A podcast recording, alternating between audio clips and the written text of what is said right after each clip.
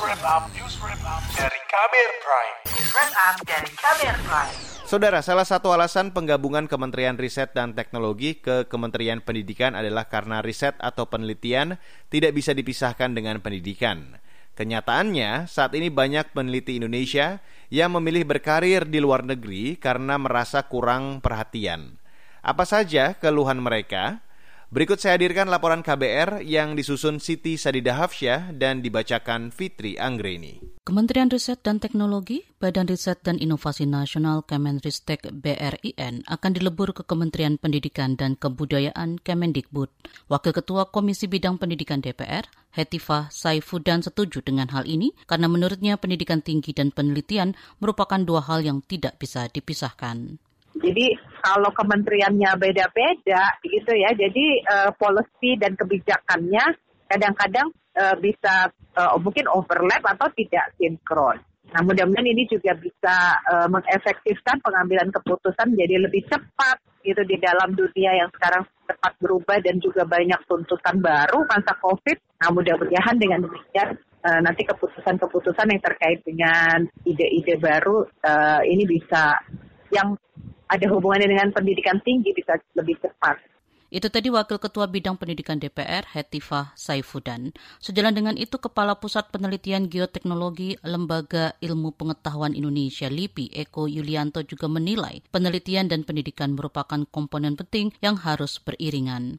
Riset itu akan bermuara kepada perubahan pola pikir masyarakat yang tidak mudah saya tidak mudah dibohongi selalu berpikir kritis, open mind gitu ya terhadap segala sesuatu. Satu-satunya cara untuk mencapai tujuan bernegara itu kan salah satunya adalah mencerdaskan kehidupan bangsa dan cara mencerdaskan kehidupan bangsa adalah menumbuhkan atau menanamkan pola pikir kritis tadi, pola pikir riset tadi.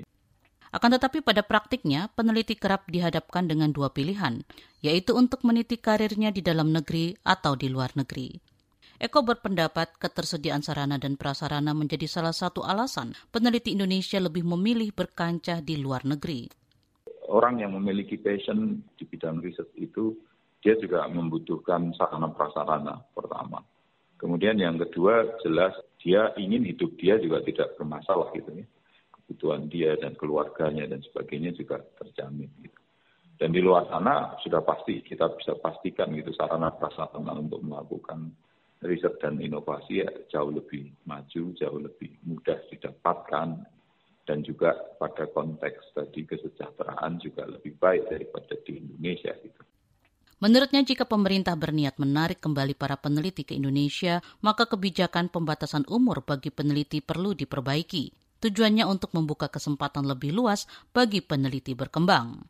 Padahal kita tahu yang disebut diaspora sebenarnya, kalau kita berharap yang pulang itu adalah seseorang yang memang sudah matang, khususnya sudah mempunyai networking yang sangat baik, sehingga kemudian ketika dia pulang bisa ditarik mengembangkan sesuatu di Indonesia dengan networkingnya, maka sudah pasti orang-orang itu akan berusia di atas umumnya adalah 45 tahun. Nah itu dengan aturan yang ada tidak mungkin terfasilitasi mereka gitu.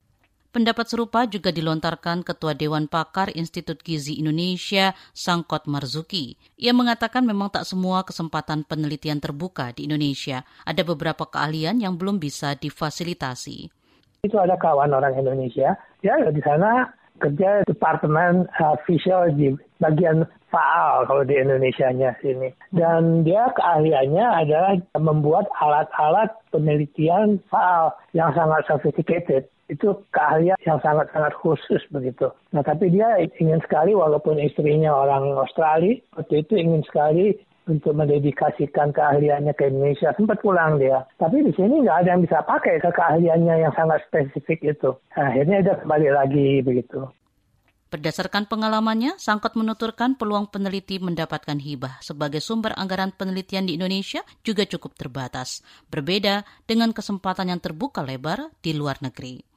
Laporan ini disusun Siti Sadida.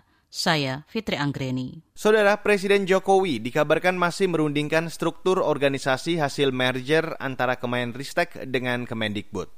Bagaimana kemungkinan restrukturisasi kabinet setelah penggabungan ini? Selengkapnya sesaat lagi, tetaplah di KBR Sore. Kamu baru saja mendengarkan news wrap up dari Kabel Prime. Dengarkan terus kbrprime.id, podcast for curious mind.